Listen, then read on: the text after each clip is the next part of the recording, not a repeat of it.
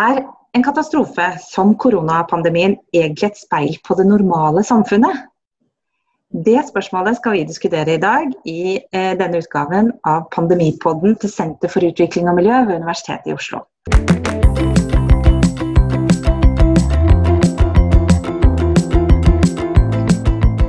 Mitt navn er Benedicte Bull, jeg er professor ved senteret. Og i Pandemipodden så ringer jeg mine kolleger ved Sund og slår av en virtuell kaffeprat om årsaker til og konsekvenser av koronapandemien. I dag er turen kommet til Maren Aase. Hun er doktorgradsstipendiat, og hun jobber altså med en doktorgrad om katastrofehåndtering i Bangladesh. Et land som skulle ha nok erfaring med eh, katastrofer. God morgen, Maren. God morgen, Benedicte. Du høres veldig fornøyd ut til å være, både studere katastrofer og være midt oppe igjen. Men er det sånn at, eh, at, de som forsker på katastrofer blir litt mindre satt ut av dette her enn alle oss andre? Nei, nei, nei. nei, nei, nei. Her uh, har jeg kløpet meg i armen like mye som alle andre og lurt på hva som skjer. Hvilke konsekvenser får dette her? Fått nye bekymringer. Og så tror jeg jeg har funnet noen løsninger. Eh, og så har jeg prøvd også å innstille liksom kropp og hode på den nye, nye, situasjonen. Men det som kanskje er litt annerledes, er at selv om man blir overrumpla, så begynner man jo kanskje snart også å se noen mønstre igjen da, som man kjenner igjen. Og blir kanskje ikke så overraska over hvordan krisen utvikler seg. F.eks. så er det noen som rammes mye mer enn andre, og det er noen som prøver å utnytte krisen. Men det er også det at vi ser denne voldsomme solidariteten. da, hvor folk skal hjelpe hverandre og sånt. Det er veldig nydelig. Um, og det er veldig vanlig. Vi pleier å kalle det dugnad her sånn. Men det er ikke typisk norsk, det er typisk mennesker, og vi pleier å se det etter alle kriser. Har de et begrep for det i Bangladesh? Fins det dugnad i Bangladesh? Du, Det vet jeg ikke, men det er veldig veldig vanlig at man snakker om eh, i kriser at nå må vi stå sammen og hjelpe hverandre. Det er noe man gjør over hele verden. Men det man også gjør over hele verden, er at man ganske fort glemmer den eh, solidariteten man får eh, i katastrofene, når man kommer tilbake igjen til den såkalte normaltilstanden. Vi må høre litt mer om konklusjonene dine. Men eh, aller først, altså Bangladesh, vi forbinder jo nesten det ordet med katastrofer. Men hvordan er situasjonen der nå? Ja, Nei, den uh, situasjonen der nå er veldig, veldig alvorlig. Og det er mange grunner til det. For det første så har jo viruset kommet til Bangladesh. Uh, og uh, da kommer det da til et land med 160-170 millioner mennesker, som er omtrent like stort som Sør-Norge. så det å holde god avstand til hverandre er ikke veldig lett. og så har du da én av fem i ekstrem fattigdom, så du kan tenke deg at det kommer noen ekstra utfordringer. Smittevern er ikke så veldig lett i Bangladesh. Men det som kanskje er enda mer alvorlig eh, ut fra sånn beredskapsståsted, er det at det er uoversiktlig. Da viruset kom, så var regjeringa ganske nølende med å ta grep. Eh, da de fort eh, etter hvert gjorde det, så gjorde de noen kloke ting. Sånn symboltunge markeringer. Avlyst eh, viktige politiske markeringer, veldig mm, et sånt eh, jubileum for nasjonens far. Eh, og det var veldig, veldig bra. Men det var, også, det var, også, hendig for å unngå en del politisk trøbbel, i og med at man har invitert eh, statsministeren fra India til et veldig kontroversielt eh, statsbesøk. Eh, men det som kanskje er verst her, er det at vi har ikke noe ordentlig oversikt over hvordan viruset sprer seg i Bangladesh. Altså, hvis du ser på tallene fra hvem som har blitt testa, så det er kjempelav testing. Jeg tror det er noe sånn som eh, bekrefta ni dødsfall, eller er det syv? Um, og kritikere, eller folk som har pekt på mangler, og at det begynner å, eh, å se ut som det er flere som kan være smitta eller døde rundt omkring i landet, de opplever eh, stort press på å eh, ikke komme ut med den eh, informasjonen. Eh, det er store bekymringer over hele verden. Men eh, du har jo da studert katastrofer. Eh, og det finnes faktisk noe som heter katastrofelitteratur, har jeg skjønt? Ikke bare katastrofefilmer. Hva er det egentlig dere studerer der? Og er det noen på en måte konklusjoner som er på en måte en konsensus rundt, som bare alle vet som jobber med katastrofer? Ja, en ting som alle har veldig veldig henger på, og det er veldig viktig, da, det er at katastrofer de eh, er ikke naturlige. Altså, vi er opptatt av å forstå eh, hvordan katastrofer oppstår, og hva man kan gjøre for å hindre dem. Og da er det altså Enten det er virus eller jordskjelv eller flom eller natur, altså en eller annen sånn såkalt naturfenomen, så er det bare en trigger i denne litteraturen. Eh, og Noen ganger har vi også framskynda denne triggeren her. Så det er altså eh, menneskene sjøl og våre systemer eh, som bestemmer hva det er som gjør oss utsatt for katastrofer, eller hva det er som gjør at vi er trygge. Og så er det sånn at når da katastrofen faktisk har kommet, eh, så syns vi det er veldig spennende å se på den kampen om sannhet og ressurser som oppstår. Det er ikke noen nøytrale svar her. Sånn. Det ser vi jo også når vi følger med på nyhetene på hva som skjer i Norge. og sånt da. Så alle går rundt og spør seg sånn Hvordan havna vi her? Hva var det egentlig som skjedde? Hvem er det som har ansvaret? Kunne vi ha visst det her på forhånd? Eh, var det egentlig så mange som ble ramma av dette her, eller er det egentlig kjempemange vi ikke vet om? Hva skal vi gjøre nå? Hvem er det som skal få hjelp, hvem skal ikke få hjelp? Eh, hva er det vi må gjøre for at eh, det aldri skal skje igjen? Så på en måte så er liksom katastrofen er et sånn speil eh, som vi blir pressa til å titte inn i. Og Det speilet det forteller oss egentlig noe om normaltilstanden, hvor det egentlig er. Det er bare at sånn, den på en måte forstørrer det. Så vi ser ting som er veldig nydelige, det ser vi mye sterkere. Men også det som er ganske stygt, alle skavankene. da. Det katastrofelitteraturen kanskje er opptatt av, er da å føre gode notater for både de gode, men også de veldig dårlige tingene som vi ser i dette speilet. Hva, altså, hva, hva, tenker du har vært tydeligst i det speilet nå de siste ukene? Her i Norge og i Bangladesh? Eh, det har vært tydelig at eh, vi har en utfordring på sikkerhetsnett. Eh, det, gjelder, det er veldig tydelig at vi er en veldig sammenfletta verden, og at det har skaper noen helt spesielle utfordringer. Og så er det helt tydelig at akkurat denne type krise har ikke så mye rutine på som det vi har hatt før. Men går det altså an å få rutine på en krise? Eh, jeg tenker at eh, Bangladesh de har jo, Hvis noe land i verden skulle ha rutine på krise, så er det kanskje Bangladesh, som har hatt flommer og jeg vet ikke hva i, gang på gang. Men går det an å få rutine på en krise? Ja, det gjør det.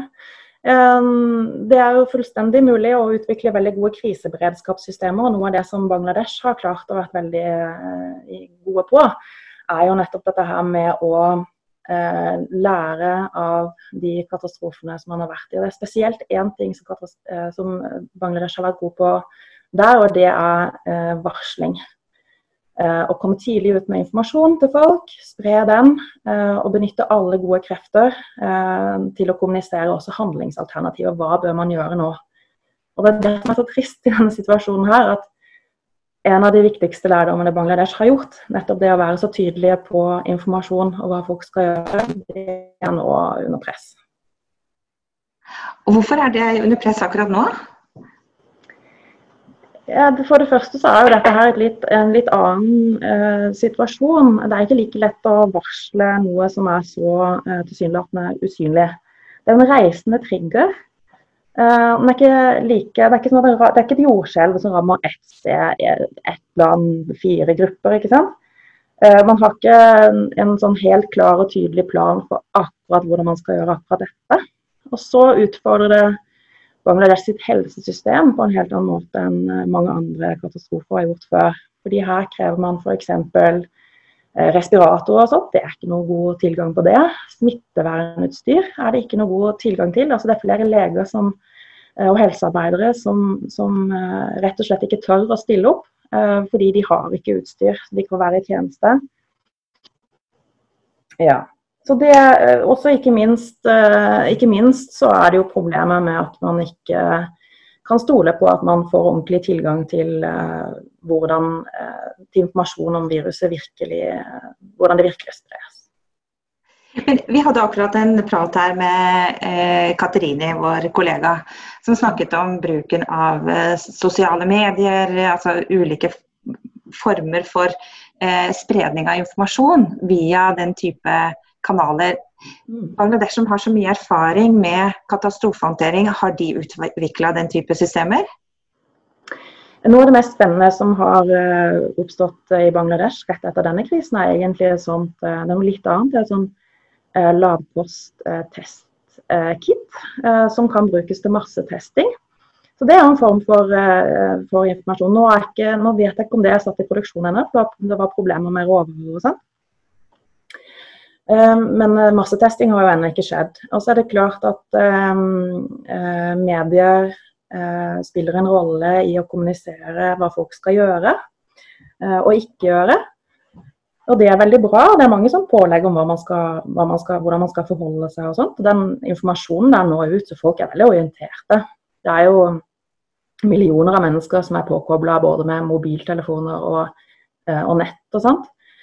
Men den informasjonen som når ut, den eh, kan være begrensa, eh, og spesielt fordi eh, det slås ned på kritikere som kommer med alternative progresjoner for hva som kan komme til å skje i Bangladesh. Annet så har det vært noen som har ment at det kan komme til å ramme mellom 500 eh, 000 og kanskje opptil 2 millioner mennesker etter hvert.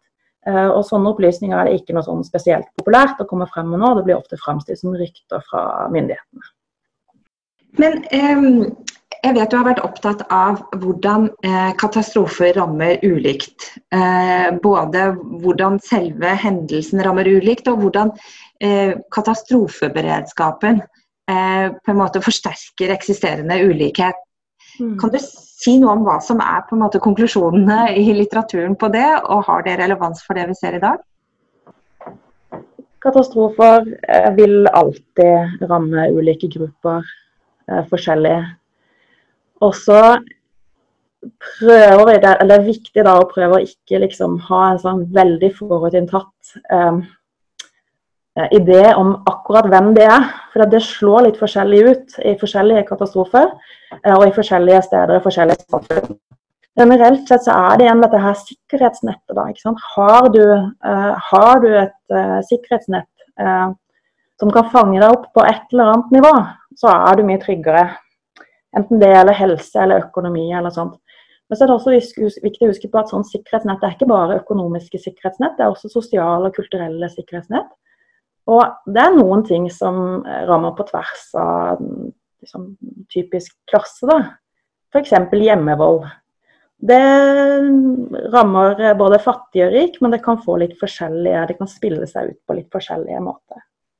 Det er jo et tema som har vært mye diskutert i, i Latin-Amerika, som jeg følger. Da. Hvordan det utvikler seg når alle skal være hjemme på ganske små, eh, i, i, små hus eller leiligheter. Har det også vært et tema i Bangladesh allerede, eller er, ikke, er det ikke kommet langt nok der til at, man, at det er på agendaen?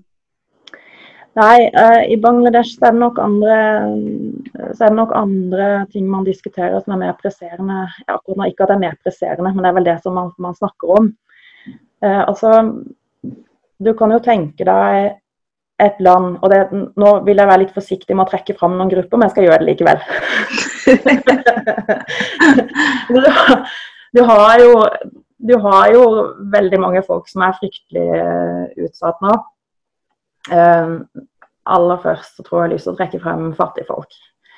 Det er som sagt én uh, av fem som lever i ekstrem fattigdom. Uh, dette er mennesker som lever fra hånd til munn veldig ofte, eh, og fra før av lever i en krise. Um, hverdagen er egentlig en krise, så kommer dette her opp på toppen. og hvis du blir bedt når du vanligvis er f.eks. riksjåsjåfør eller sykkel, så blir du bedt om å holde deg hjemme. Det er ikke veldig lett. Uh, og så er det sånn at Du eier jo ikke den sykkelriksjonen selv. Uh, den leier du av noen andre. og Det lille du kanskje tjener, uh, gjør at du havner i gjeld hos de. Så, altså, det kommer flere og flere flere kriser. Nettverkene til fattige blir også utfordret her. Sånn, fordi Som regel så har man kanskje en slektning som tjener litt mer. Kanskje man har noen familie i utlandet. Det ti millioner migrantarbeidere i Bangladesh, som nå står, eller ikke i Bangladesh, men utenfor Bangladesh, som sender penger hjem som nå står veldig i fare for å miste jobbene sine. Så eh, blant eh, fattige mennesker så er det ikke bare viruset som truer, det kan også rett og slett være sult. Eh, så har du jo også uh, den middelklassen da, som har vokst fram. De har, de har, sine egne utfordringer, og kanskje de liksom lavest, uh, litt lavest på stigen der. Folk som jobber f.eks. i eksportindustrien. Tenk på tekstilarbeiderne nå. Sånn fire-fem millioner mennesker, mange av de er damer, da som har eh, klart å skape, sitt, skaffe seg sitt eget levebrød, og nå permitteres de over en lav sko. Eh, og det var ikke sånn at Tekstilindustrien satt og venta på at statsministeren i India, nei, Bangladesh skulle si at dette var en krise. De begynte jo å kansellere ordre for lenge siden. Så der har folk mista inntekt for lenge siden. Stor flyktningbefolkning, eh, rohingya-flyktningene, de er i skikkelig krise. Og så igjen da, tror jeg har lyst til å komme tilbake til det vi har snakka litt om før. Det er en siste gruppe som man må følge med på i Bangladesh nå, og det er kritikerne. Bangladesh har bevega seg i en veldig autoritær retning um, de siste åra. Og uh, kritikere er under press. Um, kritikere har blitt fengsla, menneskerettighetsorganisasjoner har vært veldig opptatt av kidnappinger. Uh, og det er også sånn at I forbindelse med denne krisen så ser vi at dette skjer igjen. Det er allerede ganske mange som har vært fengsla og er under etterforsking for å ha eh, såkalt spredd rykter om viruset. Eh, og Da bruker man en sånn lov fra 2018 som handler om såkalt digital sikkerhet, som har blitt et instrument for å slå hardt ned på de som utfordrer bildet av staten og fornærmer staten. Um, så journalister, akademikere, folk med stor kunnskap, uh, som er veldig, veldig viktig for samfunnet å ta inn i en sånn situasjon, de er sensurert, og de bedriver også stor grad av selvsensur. Så det er også en litt annerledes og veldig sårbar gruppe i Bangladesh akkurat nå. Så Du snakket om katastrofelitteraturen som er opptatt av uh, sannheten. Sannheten kommer vi sannsynligvis aldri til å få vite egentlig hva var under koronapandemien i Bangladesh. Er det en safe konklusjon å trekke? Ja, det er det nok. Uh, men i den grad vi får tak på den noensinne. Men den er under stort press. Så, men så er det jo likevel ikke sånn at dette her er Eh, overkontrollert hele veien. Det er satt i gang masse tiltak. Men man trekker jo på den gamle rutinen fra de andre katastrofene. Det er nødhjelpsfond eh, i sving. Um, men den retningen som landet går i nå, igjen, er fryktelig trist med tanke på at uh, det gamle bildet som veldig mange har av eh, Bangladesh som et sånn katastrofeland, det er så feil. Det er ikke sånn lenger. Det er heller ikke sånn at Bangladesh har blitt det andre bildet som man gjerne har av landet som et sånt mirakelland. Eh, med fantastisk vekst og enorm utdanningsrevolusjon og sånne ting. Eh, den utviklingen der har hatt sin pris, og Bangladesh ligger et eller annet sted i midten. Det er ikke noe vits i å krangle om eh, glasset er halvfullt eller eh, halvtomt. Eh, det er i hvert fall ikke fullt. Jeg begynte med en sånn skikkelig stereotyp forestilling om Bangladesh. og I løpet av denne kaffepraten så har, ja, har, du klart å nyansere det bildet for meg ganske mye. Og så har jeg i hvert fall lært én viktig ting, og det er at en katastrofe på mange måter er et uh, speil på samfunnet sånn som, sånn som, det er til vanlig. Tusen takk skal du ha, Maren. Ha en fin dag videre.